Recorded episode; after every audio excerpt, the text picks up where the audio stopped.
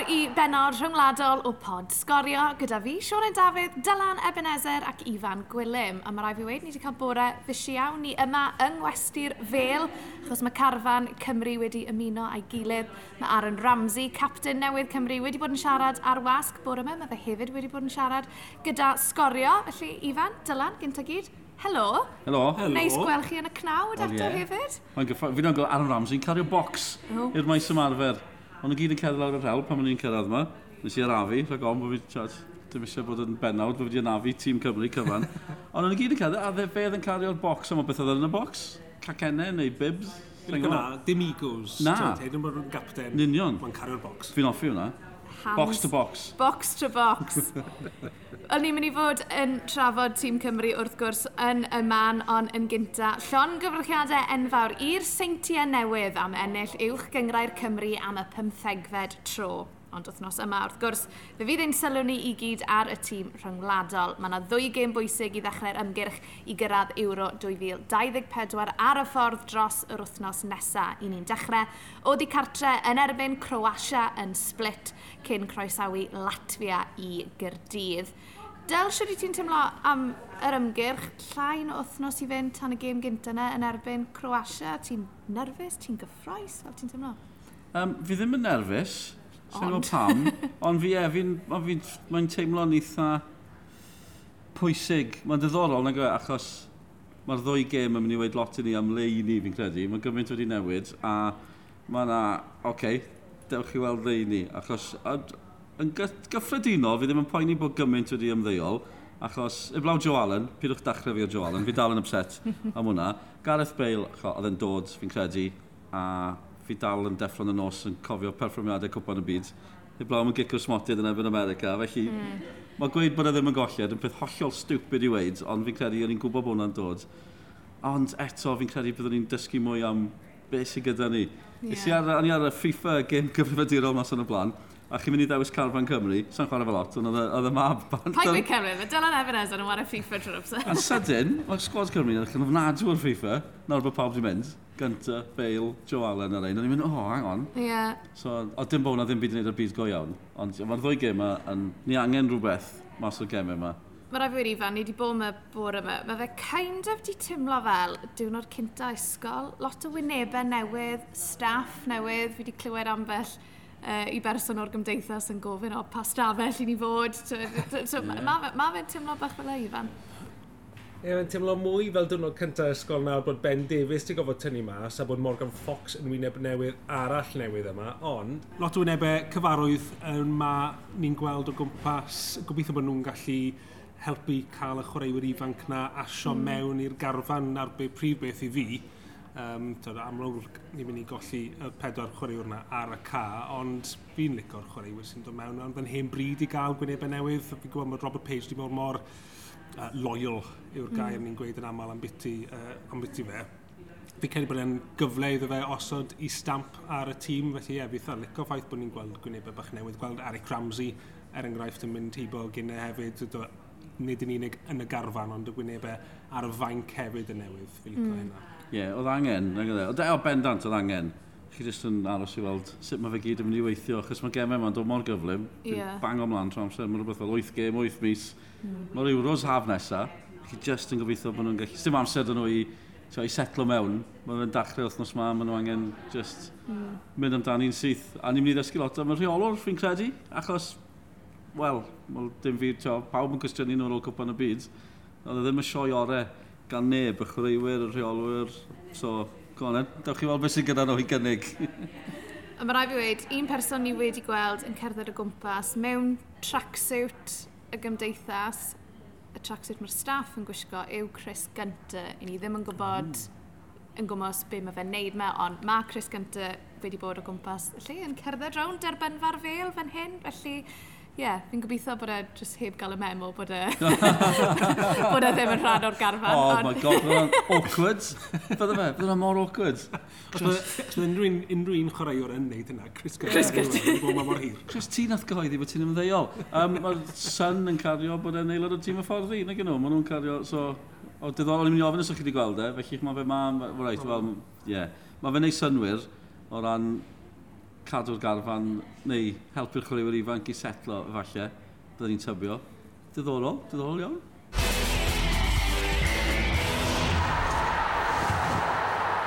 Wel, Ifan, ti wedi bod yn gwneud dy waith cartre ar gwrthwynebwyr cynta Cymru. Nawn ni ddechrau gyda Croatia. Ie, uh, yeah. maen nhw... Os maen nhw'n rhi ffôl, nag ydw e, Ifan? Na. Ie, uh, yeah, yn gwynebu Cymru yngym gyda'r ymgyrch rhagbrofol, mae Croatia, mae'n gen i y cryfat. Chartre un o'r crysau pildod mwyaf iconic, crysau checkerboard gwyn a coch y tîm cenedlaethol. Zagreb y brif ddinas, ond bydd y Cymru yn ei gwynebu nhw yn yr ail ddinas mwyaf Croatia, Split, sy'n arfordir y môr Adriatic. Ers cael anibyniaeth o'r hen Iwgoslafia ar ddechrau'r 90au, mae Croatia wedi tyfu i fod yn un o enwau mawr y byd pildrod rhyngwladol. Er gweithio ffaith i bod nhw'n gymwlad gymharol fach poblogaeth tebyg i Gymru. Maen nhw'n seithfed ar restr detholion y byd. Wedi ennill i grŵp cyngre'r y cenhedloedd nhw, na pan maen nhw'n chwarae yn y finals yma mis Mehefin, a maen nhw'n newydd ennill y fedal efydd yng Nghwpan y Byd yn Qatar. Ac ar bapur, mae Cymru'n dechrau'r ymgyrch yma gyda'r gêm anofa. Cryfat, Yeah. Ife? Yeah. Mae'n gen i'r cryfat. Wel, y, y mod yn necktie, so mae pobl wow. yn swyddfeidd ar draws y byd wow. yn gallu diolch Croatia, achos dyna lle mae'r enw Hrvatska yn, uh, wow. yn Croatia yn dod o'r cryfat. Angen, sa angen gwybod dim byd arall. Fi, a fi'n gwybod beth fi'n gwisgo. A dyna ddiwedd yn pod. fi'n gwybod beth fi'n gwisgo'r uh, rhaglen fyw, nos adwn. A uh, fi, yeah, fi, tha, fi ddim yn poeni gymaint bod ni'n dachrau ar gêm yma. Just ffain, cael y mas o ffordd. Os gall, just yn meddwl yn bositif beth tas nhw'n gallu cipio mm. pwynt yn erbyn nhw, bydde fe'n ffantastig. Ond maen nhw mor dda, maen nhw mor... Maen nhw'n cyrraedd prif gystadleuaeth a sôn am streetwise, sôn am gwybod beth mm. i wneud, a sôn am pan nhw'n chwarae Lloegr ac ati. Yn yr, uh, tiad, maen nhw'n cael ei diastyru, a wedyn maen nhw'n giro nhw a cyrraedd y ffainal, y cwpan y byd diwetha ac ati. Mm. Maen nhw mor dda. Um, yeah, fi ddim yn gwybod beth i ddisgwyl. Fi just, achos fi'n gwybod, da fi deimlad fi'n gwybod beth i ddisgwyl gan Croatia, fi ddim yn gwybod beth i ddisgwyl gan Gymru. So, yn ddiddorol, pam gyson ni'r gêm gyfartal yn erbyn nhw, wff, ni'n mynd ôl 2019, yn yeah. Stadiwm Dinas Caerdydd, un mm. yr un, Ben Davies yn smasho rhywun a Bale yn sgorio. Ond un, be, sy, be fi eisiau gweld yw sut ni'n chwarae yn erbyn nhw, be, os ydyn os ni'n colli, achos ar yr adeg ni, o'n ni'n gallu mynd toe-to-toe -to tîm yma. Mm. Dwi'n siŵr os ydyn ni erbyn hyn, felly yn cynnig ni ddysgu lot, ennill colli, gym, be bynnag o'r cynnyniad, newn ni ddysgu lot yn y sadwn. Mae'n eitha bod ni'n cael y gêm yma mas o ffordd yn gynnar, fi ddim yn disgwyl bydd yna World Cup hangover gyda nhw, ond fi'n credu falle bod ni'n chwarae nhw, ni yw'r cyntaf i chwarae nhw ar ôl ni, yn mm. beth da falle, bod nhw ddim really'n gwybod sut i symud mlaen o'r cwpan y byd yna. Dim ond un chwaraewr sydd wedi ymddeol o'r garfa yna, sef Dejan Lofren. Ie, yeah, ni'n disgwyl mwy. Ie, yeah, gobeithio am un yn enwedig yn fwy yn Modric, mae fe dal i fynd. Fi'n eitha siŵr bydd Modric yn ei 70au, jyst dal yn, just dal yn wario Croatia, a bydde dal jyst yn briliant. Ie, yeah, gallai fod. Mae enwau ifanc dan nhw hefyd o Gwardiol yn un o chwaraewyr gorau cwpan y byd. Mae fe'n mwy na llenwi sgidiau lofren, yn well chwaraewr na fe yn y bôn. Tra bod ti'n cymharu faint maen nhw wedi colli ers cwpan y byd, lle maen nhw wedi cyrraedd rownd gynderfynol, ni wedi colli lot, a wnaethon mm. ni fynd allan yn y grŵp so, o ran World Cup hangovers, falle bod ni yw'r un sydd yn yeah. cael dyn o lan gyda pen tost yeah. a yn meddwl o gosh, be wnaethon ni'n neud nithwr. Falle bydden nhw'n edrych rownd y gofyn le mae Bale, falle wnaethon nhw'n confuse nhw. Yeah. A bydd Modric yn falch bod Joe Allen ddim na. O'n i'n gweld... Dal upset. Modric di wneud uh, uh, cyfweliad yn o'r blaen a nath e ddewis Gareth Bale yn o chwaraewyr gorau mae wedi chwarae gyda erioed a oedd y gwasg yn Croatia wedi gweud one surprise inclusion yn yr pimp yma a Gareth Bale yr rhaid nhw'n fel yn syni bod wedi dewis Gareth Bale o'n i'n meddwl hwnna'n eitha hirllig ohonyn nhw. Ydy, uh, fi'n credu falle bod y, yr, uh, yr ymateb y Madrid wedi cyflyru lot o bobl fi'n credu. Mm. do, do. Na, yeah, fi ddim yn gwybod beth. Fi ddim yn gwybod beth i ddysgu, fi'n credu fe lot o bobl eraill. Fi'n cael un peth o ran Croatia yw'r stamina yma sydd gyda nhw, achos o'n i yn Qatar, o'n i'n lwcus iawn, nes i weld nhw yn erbyn Brazil, pan nath nhw gicio Brazil mas o gwpan y byd ar gicio'r smartyn, a fi'n cofio ath y gêm na i amser ychwanegol, Neyman sgorio i Brazil a ath y llun wyllt.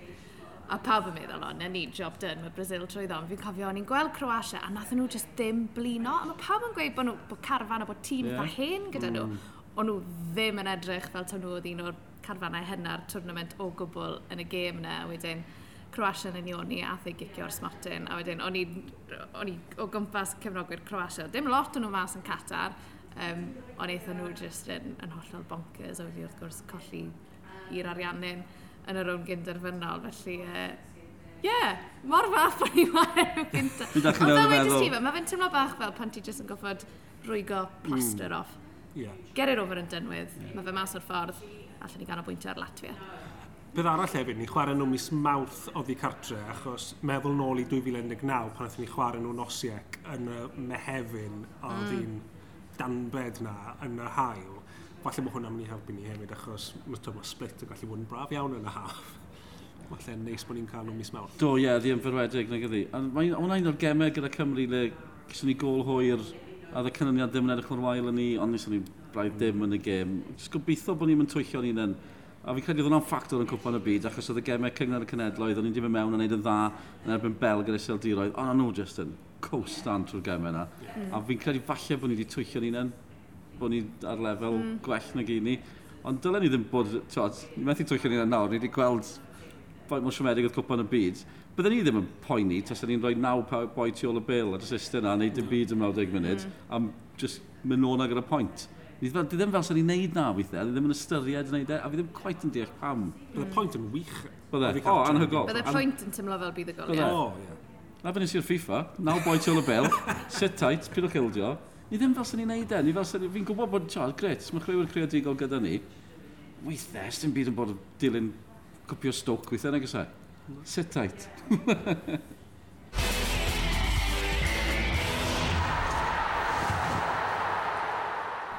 Mlaen i Latvia wedyn ni, hwnna yw'r ail gêm fan hyn yng Nghyrdydd. Ifan, beth ni'n gwybod am Latvia? Ie, yeah, Latvia yr ymwelwyr i Gyrdydd yn nos fawrth yr wythfed yr hugen O ran chwaraeon, prif gamper wlad yw hoci a a ffil fasged, sydd falle'n ffactor yn pam taw nhw yw'r ola o ddetholion y grŵp, ac heb gael fawr o lwyddiant ar y lefel rhyngwladol. Wedi gweud hynna, fe wnaeth o wlad gyrraedd Euro 2004 gyda enwau fel Marians Pahars, Maris Verbakovskis a Vitalis Astafievs. Yn fwy diweddar, mae Latvia wedi ennill i grŵp cyngred cenhedlodd nhw o flan Liechtenstein, Moldova ac Andorra, a gorffen yn bimed yn ei grŵp rhagbrofol ar gyfer cwpan y byd Qatar. Os yw Croatia oddi cartre yw'r gêm anodd yn y grŵp, yr ail gêm yw'r gêm hawsa ar bapur. Da. Sa'i moyn swna'n negatif, neu sa'i moyn dechrau hwn ar nodyn negatif, ond pan i ti'n meddwl am potential banana skin yn y grŵp, fel ti newydd wedi fan, hwn yw'r gêm hawsa ar bapur, ond pan i ti'n meddwl ar ymgyrch diwetha, mae'r gêm di sgona yn erbyn Estonia dal just yn, yn ingrained yn yn feddwl i a chi yn meddwl o bosib carfan eitha newydd, chwaraewyr newydd, Latvia oedd i cartre bydd pawb yn disgwyl i ni ennill y gêm na a dyl mae yna dimlad os i ni ddim mae pethau yn gloi iawn oh. yn gallu droi'n drafmwch. Ie, yeah, mae wythnos ma, mae'n gallu mynd yn iawn, ennill gartre, colli oddi cartre yn iawn, tiod, pwynt oedd ei cartre, ennill cartre, anhygol, colli'n Croatia a ddim ennill yn erbyn Latvia. Waw! Alla i'n dychmygu fe fydde'r ymateb. Fydd hi'n... Uh, Wel, bydd yna gwestiynau mawr yn cael ei holi. Uh, er, tiod, falle bod yn anheg, achos mae mor gynnar yn y grŵp, ond fi'n credu, ti beth licen i weld, yw mynd i Croatia, fel fi wedi gweud, istyn ôl, dim wneud yn byd, trio cael pwynt, fair enough, dim eisiau, gadw i Brennan Johnson, just, ti'n bod ti'n, mae hwnna'n, mae'n digwydd mor aml nawr, mae gymryd o fel imbalance ti digwydd ym, ym ymhel Droid. Ti'n di gwylio uwch gyngor Lloegr, mae'r tîmau mawr gyda gymryd o chwaraewyr da, Ti'n mae tîmau llai, mae fe'n digwydd bron pob gêm. Maen nhw'n eistedd nôl, maen nhw'n dal pobl yn gwrth ymosod. Sa'n gwybod beth yw'r problem dy Cymru'n trio hynna yn Croatia, mm. a wedyn ni gatre, just cipio rhywbeth efo'n Latvia. Byddwn ni'n wrth y modd yn gweld nhw'n just newid i steil yn llwyr o un gêm y llall, negyddol yn un gêm, mynd amdani yn efo'n Latvia, mm. felly hmm. mae'n abeth na nhw, sa'n gweld pymlau. Ramsey falle o'r un diddorol, tod, efo'n lli chwarae'r ddwy gêm, 90 munud yn y ddwy gêm, mm. le byddwn ni'n meddwl bydde fe'n cael lot mwy o hwyl na fy'n Latvia, lle ti weld e'n rhedeg y sioe fyna.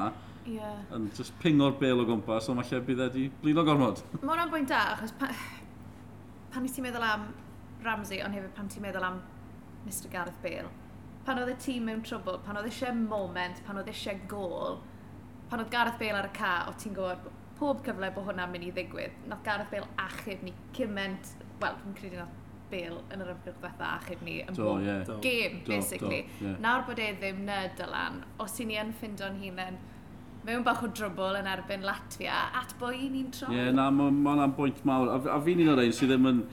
Tiad, mae'n ddiwedd cyfnod gyda Bale di gorffen, ond o ran i gyfraniadau fe, fi'n credu, oh, mae'n hollol hir ti weid, ond ni wedi bod yn cario fe i'r raddau, yn wedi yn gwpan y byd, ac i mynd, ta, dyna fe ddim wedi dachrau tair gêm, mae'n hollol bonkers. Ond wedyn ni, pwy sy'n cael y goliau, pan mae'n gic rydd, cic o'r smotyn, Ar y gêm na'n ebyn Austria, o'n i yn y rhain, o'n i wedi rhoi land y bail. O'n i'n meddwl, o, oh, so, so, so, so, so, so, mas i America, A wedyn, y gicrydd na, a'r ail gol yn ebyn Austria, a chi'n mynd, o oh, ie, yeah, na'r peth. Mm. Mwyaf fi'n diastyru fe, mwyaf fi'n cofio be mae fi'n gallu gwneud cicrydd ochr y cwrt, tiod. Nath e fe gymaint o weithiau. Ni sôn am, o ti sôn bod wedi curo Andorra, tiod, mae dyn ni previous fan yna gyda Bale yn ach, achub Cymru, Belarus ymgyrch ddiwetha, hat-trick. Mae'n sy'n fo, so mae Ramsey'n gallu gwneud hynny. Brennan Johnson nawr, over to you, fel fan yn Fi'n meddwl falle beth yw e hefyd yw, o'n i'n diddorol beth oedd Ashley Williams yn gweud wrtho ti yn y cyfweliad wrthos diwetha, oedd e'n gweud am y ti identity a sut mae hwnna'n mynd i edrych o dan Rob Page. Mm. Yn cedi yn, yn gorffennol, mae identity, mae gymaint o fo e yw Gareth Bale, Bale yeah. five at the back, Bale in attack, oedd y cefnogwyr yeah. yn canu. Dyna oedd yr identity, really. achos dyna oedd yr unig outset, o falle gobeithio dwi ddim am beth un chwaraewr falle. O nawr man, os ydy'r identity mae Rob Page yn mynd i wneud, bod ni yn chwarae rhyw yeah. fath o steil lle ni ddim yn dibynnu ar Brennan Johnson. A beth yn ta, fi'n bang ymlaen yn gwpan y byd, a sori Bob sy'n gwrando, ond oedd yn taro chi, oedd y gledydd eraill, lot mwy athletic na Cymru, mm. le nhw'n rhedeg mwy American yn wedig, ond un o'r ran le oedd Cymru'n edrych yn dîm, oedd yn hyneidio yn flynedig, a weithiau mae yna dieddiad gan Ramsey trwy wneud gormod, a rhedeg gormod, achos oedd y statseg wych yn gwpan y byd, mm. ond oedd y gemau ddim yn wych, ond falle fydd e ddim yn teimlo bod rhaid o fe wneud gymaint. Yeah. Felly dde falle istyn na, just rhedeg y sioe. Rhaid chi moyn Ramsey wneud, na'n gofio, e? just pigo eiliad, yn lle sprinto un bob man, just istyn mm. ôl, darllen y gêm, a rheoli'r gêm. Fi'n credu, mae'n mynd od, So mae egos yn mewn droed, a bod trodd Bale ddim ar y cae, y Ramsey chwarae'n well o'n i'n teimlo. Yeah. Mm. Hyd yn oed efo Lloegr, eto yn, uh, yn Qatar, fi'n gwybod dim ond 5 munud oedd i'r dechrau'r ail hanner, ath Bale bant, ond oedd y 5 munud na, o'n i'n gwylio, a mynd, o, hang on, y chance dyn ni fan hyn, nath Ramsey dechrau, mm. o ryw swagger o gwmpas y lle, a wedyn sgorio nhw free kick oedd i'r ben. anyway, let's move on. fi wedi bod i Latvia gyda llaw. Wel, o'n i'n mynd i weid, unwaith eriod mae Cymru wedi chwarae Latvia, gêm gyfeillgar yn 2000 pedwar. A o ti na? Na, fel cefnogwr. Oh. Rigan lot o hwyl. Oedd balloons da pawb yn reswm, fi dal ddim yn cofio pam, oedd lot o balloons yn yr eisteddle. A do, oedd e'n gret, oedd Cymru yn dda, ddim yn disgwyl dim byd, ond ennill o ddwy gol i ddim. Gyson i'n gohodd mewn i bar oedd fel stafell fyw rhywun. Fi dal yn ames fel stafell fyw oedd e. Ond nhw'n rhoi fodca i chi mewn gwydre hanner peint. So yna fe. O, Oh, Good. Good no, sport. Noson dda. Ie. Yeah. Do, felly, ie, yeah, tiod, o dim lot amdano nhw, na'r ffaith bod Cymru wedi ennill mor gyfforddus yn, mm. yn dwy llawer. Dylen ni fod yn ennill i, ond, ie, yeah, chi yn poeni. Ni jyst ddim yn gweld eini ar hyn o bryd. Ie, yeah. yeah. o ran Latvia hefyd, Gymru ni e, buddigoliaeth o gol i ddim yn erbyn nhw, achos er, goll, er o'n nhw'n bimed yn eu qualifiers diwetha nhw, yn erbyn Iseldirodd, Twrci, uh, Norwy, sy'n gyda Erling Haaland, mm. Montenegro, oedd gorffenno nhw gyda goal difference o minus 3. Ouch. So maen nhw yn really fe, mae amddiffyn nhw'n dda. Neb yn iseldirodd ni newydd chwarae yn y dwywaith yn y cyngred cenedlog, gollon nhw gol i ddim adre, dwy gol i ddim oddi cartre. Felly maen nhw'n dda, mae gath nhw llechen lan ebyn Norwy. Mm. Yeah. Maen nhw'n mynd i fod yn anodd torri lawr, felly na, Ceri, mae'r ma Estonia okay, so Belarus... Oce, mae'r ffaith bod Latvia di stopo Erling Haaland yn sgorio, mae hwnna di streso fi mas. Diolch i fan. uh, mi oedd Haaland ddim yn chwarae yn y okay, gêm yna, ond mynd fe, gol fe enillo fe yn y gêm arall. Ok. So, falle bod angen Haaland arnyn nhw, na'r peth. Wrth gwrs, mae'n ffocws ni ar y benod yma uh, ar y ddwy gêm gyntaf, ond o ran gweddill y grŵp, Armenia a Twrci yw'r ddau wlad arall sy'n cystadlu yng Ngrŵp Cymru ac fe fydden nhw'n gwynebu i gilydd yn y gêm agoriadol arall dydd Sadwrn. Ifan, ni yn chwarae ddau dîm yma ym mis Mehefin yn yr haf. Yn bod mae'n spelbant, ond beth ti'n credu yw gobeithio'n Cymru yn erbyn Twrci ac Armenia. Mae Twrci ni'n bach tricky. Fi'n teimlo mae Turkey bach fel tîm rugby Ffrainc, which France is going to turn up, which Turkey is going to turn up. Ie, yeah, wnaethon ni weid cyn yr Euros do, pan yeah. chwarae nhw, o'n i'n disgwyl nhw fod yn rili really dda, a mi o'n nhw ddim, felly... O'n nhw'n awful. falle dyna'r dyna, peth, maen nhw'n bedwerydd yn y rhestr detholion yn y grŵp yma, mae Armenia'n drydydd, a mae'n dangos faint mae Twrci wedi cwmpo yn y blynyddoedd diweddar, maen nhw yn fyna am reswm. Mae'r gêm Armenia-Twrci yna, mor ddiddorol. Fi'n gobeithio am gêm gyfartal i ni, achos mm. mi ddim meddwl bod pobl yn cymryd pwyntiau oddi wrth i gilydd, ond mae Armenia a Twrci, mae'r hanes rhwng y ddoi wlad yn crazy. Fi'n syni bod nhw'n cael chwarae yn erbyn ei gilydd. Mae mor danllid, achos dyw Armenia ddim yn cael chwarae yn Azerbaijan, dyw Rwysia ddim yn cael chwarae yn Ukraine. Ond Mae'r hanes rhwng y ddoi wlad yma, fi'n llawn credu bydd na tan gwyllt yn yr eisteddle yn mm. y gêm yma, a siawns bydd dim hawl da ni fynd mas fel cefnogwyr i Armenia achos bydd e mor wael a hynna falle. Falle bydd gymau tu ôl dysau caedig, mae yna... Ie, yeah, mae yna, ma yna bach o hanes fyna, ond bydd hi'n gêm bydd hi'n gêm fi'n cadw llygad arni, definite. Geopolitics. Ie. yeah. Hwna ydi o. Mae nhw'n...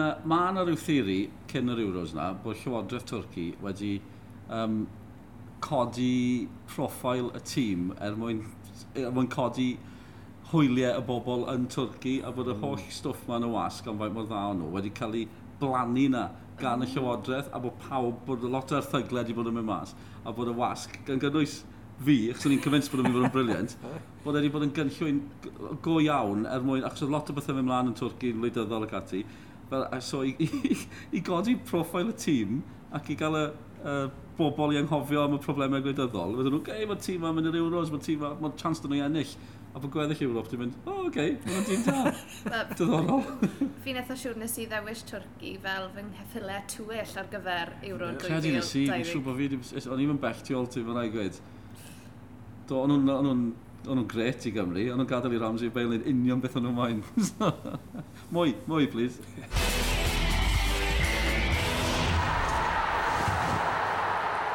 mae'r cyfnod rhyngwladol ar fi'n dechrau a mae rai fi wedi uh, ni'n mynd i fod yn fysi iawn ar sgorio. Ifan, siw mae'r calendar yn edrych dros yr wythnos nesaf yma? Wel, erbyn i'r pod yma fy mas dydd mercher, ni'n edrych ar saith gêm fyw mewn saith diwrnod. A lot o goffi a dim lot o gwsg. Uh, Cymru dan 17 sy'n dechrau ni off dim mercher yn erbyn yr Alban. Mae nhw, fel o'n i'n gweud ar y podwetha, ar ei ymgyrch nhw uh, i gyrraedd Euros am y tro cyntaf erioed. Maen nhw wedi cyrraedd bellach na maen nhw wedi gwneud erioed o blaen yn barod. Dydd Gwener, nôl i'w gyngor Cymru, Cei Conna yn erbyn y dre newydd, yn mae'r ras am yr ail safle, Cei Conna yn trio cadw grip yma, yn fyw ar-lein. Dysadwn, na ple mae'r gemau rhyngwladol iawn yn dechrau Cymru dan 17 yn mynd gwlad yr ia yn fyw ar lain gyntaf, ond wedyn ni Croatia yn erbyn Cymru yn fyw ar S4C. Hefyd, wrth gwrs, fydd eich abwyntio bob gêm uwch gyngred Cymru o'r dydd ar gael yn ogystal â'r gêm fawr yng Nghyngred y Gogledd, Bai Colwyn yn erbyn y Triffynon y ddau na ar yr hediadau hir o ennill gemau yn olynol. Dydd Sil, ni'n mynd at tîm Merched Wrexham sy'n chwarae erbyn Ceicona ar y Cairas. Mae'n ddisgwyl bydd y gêm yna yn torri record uh, domestig o ran torf. Mae hwnna'n fyw ar-lein hefyd. A wedyn ni'n gorffen wythnos brysur iawn dydd mawrth Cymru yn y dan 17 yn erbyn Montenegro yn fyw ar-lein, fi sy'n ar y meic fyna, a wedyn ni Cymru yn erbyn Latvia gêm yn fyw ar Espadrec i orffen wythnos uh, rhyngwladol. Waw. Felly Dylan, mae eisiau ti'n mynd i wneud bach o waith, mae eisiau fi fynd i baco. Ni'n meddwl am hyn. Mae'n brysur na gwneud, mae'n ffonio mlant. Dylen nhw wrthnos nesaf. Mae nhw'n dod i gêm, mae'n edrych mlaen, Cymru, Mae'n nhw'n joio mynd i weld Cymru yn y stadiwm. So, Cymru Latvia, edrych mlaen. Mae'r garfan 17 o gwmpas fan hyn ag nhw hmm. sy'n sy ddiddorol. Mae nhw'n cymysgu gyda'r prif garfan. Be sy'n ddiddorol iawn yw, er enwau y clybiau gyda rhai o'r boes hmm. ifanc yma, mae yna deimlad bod yna griw arall ar y ffordd drwodd. Chi'n edrych ar Man City, Arsenal, Lerpwl, tio, pwy o oer os byddwn nhw'n dal gyda'r clybiau yna, ond mae'r magwraeth maen nhw'n gael, maen nhw'n gyda clybiau mwyaf Lloegr. Felly, mm, diddorol, fi'n gwybod mae rhyw uh, Benjamin, yr ymysodyn o Arsenal, mae fe fod yn argoed i'n dda, mae'r boi mae Man City sy'n cael penawdau mawr, Cwmas mae pawb yn cael y canolbwyntio, yna mae yeah. Jason Cwmas yn o'r carfannau. Cwpl enwau yma, fel Cwmas a fi'n wedi rhywun sy'n wedi cymryd tynnu mas o'r tîm dan i'n yeah. rhigen savage yeah, yeah, yeah, arall hefyd. Sex, mae fe methu bod yn rhi bell o'r brif garfan, byddwch chi'n mynd tybio. Um, ia, mae'n edrych o bod yna criw arall ar y ffordd drwodd, ond mae yna ma griw yn y brif garfan yn barod amdani. Edrych ma'n, just nerfus fel arfer. Ni'n gwybod beth i ddisgwyl. Wel, dyna ni am y benod yma. Diolch yn fawr i chi am wrando. Dylan, Ifan, diolch am eich cwmni chi. Chi'n gofyn i fi mynd i watch Arsenal. O, oh, SG fel Arsenal, ddo! Nes i weld Arsenal. Dylan fi mor sori, siwr oedd e. Tio be, randawyr anwyl y ffyddlon, Sioned, am faint fi wedi bod yn bang ymlaen am y gêm yma? A ti wedi bod yn texto pawb. Fi wedi bod yn text o pawb yn trygol tycynnau, Arsenal Crystal Palace, oedd i ar di bywyd fi'n boring, mae bywyd fi'n brysur, ond i'n desperate i gael tycynnau. Mae mor anodd ar un o bryd, er fod fi'n aelod, na ddim diflasu chi. Prawn di sadwn, 4 o gloch, galwad ffôn, tri tocyn i fod Arsenal yn y Crystal Palace. Sil y mame, sori, cancelled, fi o'r plant, off yr Emirates nes i fwynhau. Teg dweud hynny. A twad, o gyd oedd pawb yn canu, fans Arsenal oedd can Fiera. Dim i Fabio Fiera oedd i chwaith, ond i, ond i Patrick oedd i cael colli swydd dy Palace. Na, joio, diolch. Felly, yn y 24 o'r diwetha, mae Dylan Ebenezer wedi gweld Arsenal a hefyd wedi gweld Aaron Ramsey yn cario box. Do, ie. Yeah. Ac i cona, sa'i ti newydd? Beth mwy chi moyn mewn bywyd. a dyna ni am y benod yma fe fyddwn ni nôl ar ôl y cyfnod rhyngwladol yn edrych nôl ar gobeithio beth sydd wedi bod yn wythnos llwyddiannus i Gymru. Diolch yn fawr am y tro, welwn i chi tro nesaf.